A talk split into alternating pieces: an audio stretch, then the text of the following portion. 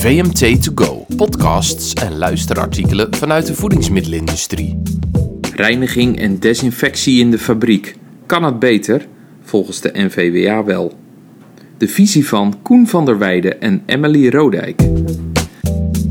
Dat reinigen en desinfecteren belangrijke voorwaarden zijn voor de voedselveiligheid, bewees de listeria-affaire van afgelopen oktober nog maar eens. De NVWA, de toezichthouder, pleit voor meer kennis over schoonmaak bij medewerkers en commitment vanuit directies en meer invloed voor QA-managers.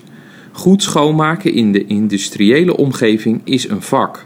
De grote recall van vleeswaren in oktober heeft heel wat teweeggebracht, constateert Emily Rodijk van de Nederlandse Voedsel- en Warenautoriteit.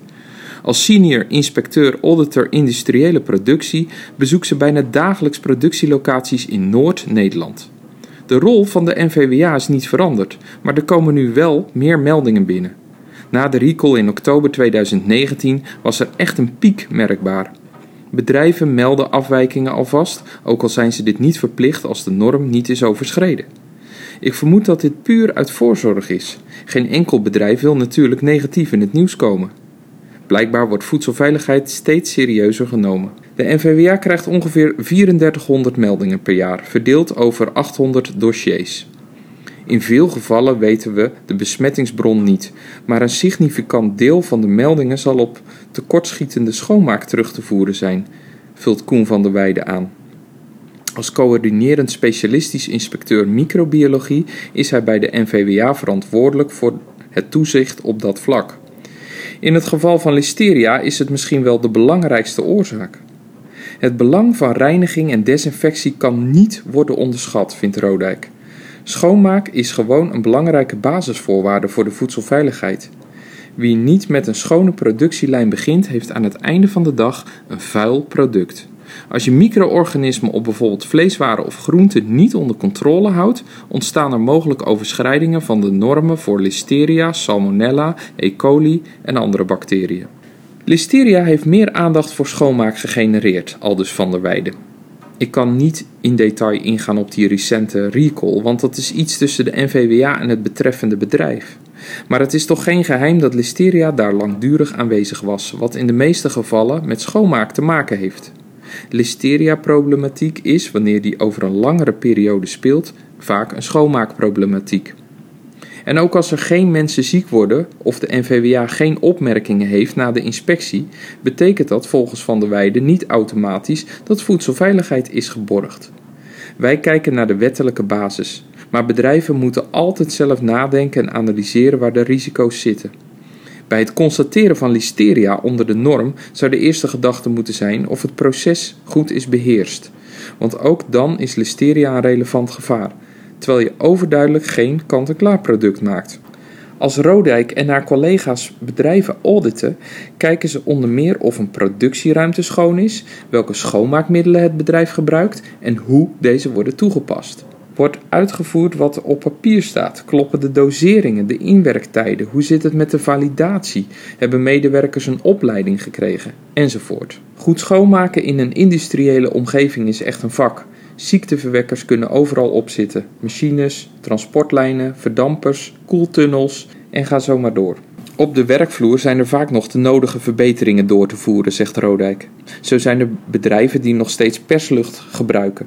Daarmee verplaats je vuil, maar ook bacteriën via aerosolen. Niet iedereen is zich bewust van de risico's hiervan. Het onderhoud en de reiniging van machines vergt ook gerichte aandacht, aldus de senior inspector auditor.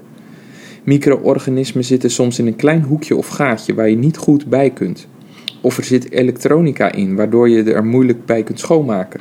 Zeker als een biofilm bij zit, kan een bacterie steeds opnieuw de kop opsteken. Om die laag te doorbreken moet je niet vegen, maar echt goed poetsen. Soms moet je zelfs dingen opensnijden om bij micro-organismen te kunnen, zoals een spons. Vergeet ook niet de schoonmaakspullen zelf schoon te maken. Als ik een trekker met dubbele rubbers opentrek, dan zit er meestal vuil in. Een ander praktisch punt is het gebruik van alcohol. Soms gebruiken medewerkers dat als afdrijfmiddel, vertelt Rodijk. Ze spuiten het ergens op en vegen het vuil meteen weg. Je kunt het vuil beter eerst met water of een droge doek verwijderen en dan pas het oppervlak inspuiten. Anders werkt de alcohol niet meer als desinfectiemiddel. Iets soortgelijks geldt voor handhygiëne. Als je alcohol meteen met papier wegveegt, heeft het geen nut. Om goed te kunnen reinigen en desinfecteren is het vooral essentieel dat medewerkers over de juiste kennis beschikken, zegt Rodijk. Zij doen immers de schoonmaak. Daarbij is het van belang dat de productieleider het goede voorbeeld geeft en er van hoog tot laag in de organisatie bewustwording rond voedselveiligheid is. Dat wil er nog wel eens bij inschieten in de waan van de dag door de hoge werkdruk of dat medewerkers naar huis willen. We zien soms dat de dag- en nachtploeg niet van elkaar weten of en wat er is schoongemaakt. Of dat mensen aan een pallet zitten en vervolgens aan een kant-en-klaar product. En wat dacht je van medewerkers die geregeld aan hun gezicht zitten? Dat gebeurt heel vaak. Van der Weijden ziet dat de positie van QA voorzichtig verandert, naar aanleiding van de recall in oktober. QA-managers geven aan serieuzer genomen te worden. Het zou mooi zijn als die ontwikkeling zich doorzet, want QA wordt in mijn ogen te vaak teruggefloten. Niet alleen qua investeringen, maar ook in wat ze constateren in een productielijn. Dan overroelt de productieleider de QA-manager omdat een klant nou eenmaal de producten nodig heeft. Dat kan valide zijn, maar de QA-manager moet de grenzen kunnen bepalen. Als NVWA breken we graag een lans voor het serieuzer nemen van QA. Productie is belangrijk, maar het moet wel voedselveiligen. Dat vraagt commitment vanuit de directie. Geef de QA-manager de rol die hij of zij verdient en geef het mandaat om tijdig in te breken als het misgaat. Het is heel vervelend wanneer een bedrijf pas in beweging komt als voedselveiligheid financiële consequenties heeft.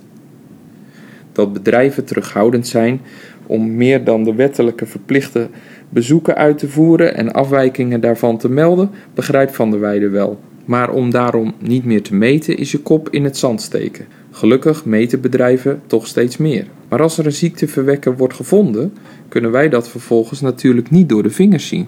We zullen dan ook nagaan wanneer het bedrijf erachter kwam, hoe snel het is gemeld, of dat een leverancier heeft nagelaten het te melden. Dat is boeterapportwaardig. Niet om geld te innen, maar om bedrijven te bewegen het de volgende keer beter te doen en afwijkingen sneller te melden. Het gaat ons erom dat de mogelijke schade richting de consument beperkt blijft. Dat bedrijven fouten maken is niet altijd een kwestie van onwil, erkent Van der Weijden. Soms is er een heel goed monitoringsprogramma, maar ontbreekt de controle op de corrigerende maatregel. En zelfs als je alles voor elkaar denkt te hebben, kan het toch misgaan. Zeker als er aantoonbaar zieken zijn, zal er toch iets meer moeten gebeuren.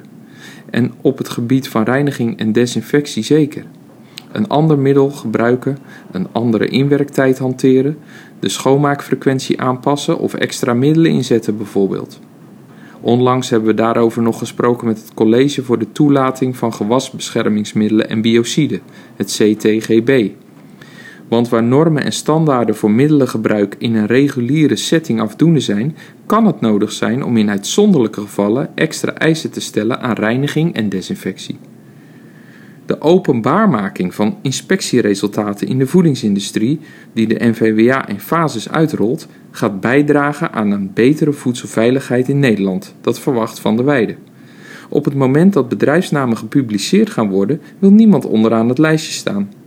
Bij visbedrijven en slachthuizen, sectoren waarvan we de inspectieresultaten al openbaar maken, zien onze collega's sindsdien meer focus op voedselveiligheid. De vraag ligt nog wel open wat wel en niet in de openbaarheid komt, zegt Van der Weijden.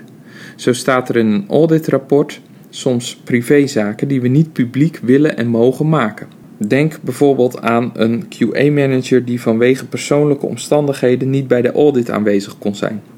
De NVWA treft ook voorbereidingen om voor individuele bedrijven naast audit- en inspectierapporten aanvullende informatie inzichtelijk te maken, zoals de resultaten van alle monsternames die door de NVWA gedaan zijn. Dan werkt openbaarmaking twee kanten op. Voordat het zover is, heeft de NVWA nog de nodige slagen te maken. Van de Weide besluit. Tegen die tijd moeten we correcties op de inspectieresultaten snel kunnen beoordelen en verwerken. Een negatief oordeel heeft anders onnodig lang impact op de markt en daar moeten we klaar voor zijn. Dit artikel is verschenen in VMT 2 februari 2020 binnen het thema reiniging en desinfectie. Bedankt dat je luisterde naar deze podcast van VMT To Go. Meer horen vanuit de voedingsmiddelenindustrie? Check vmt.nl/podcasts.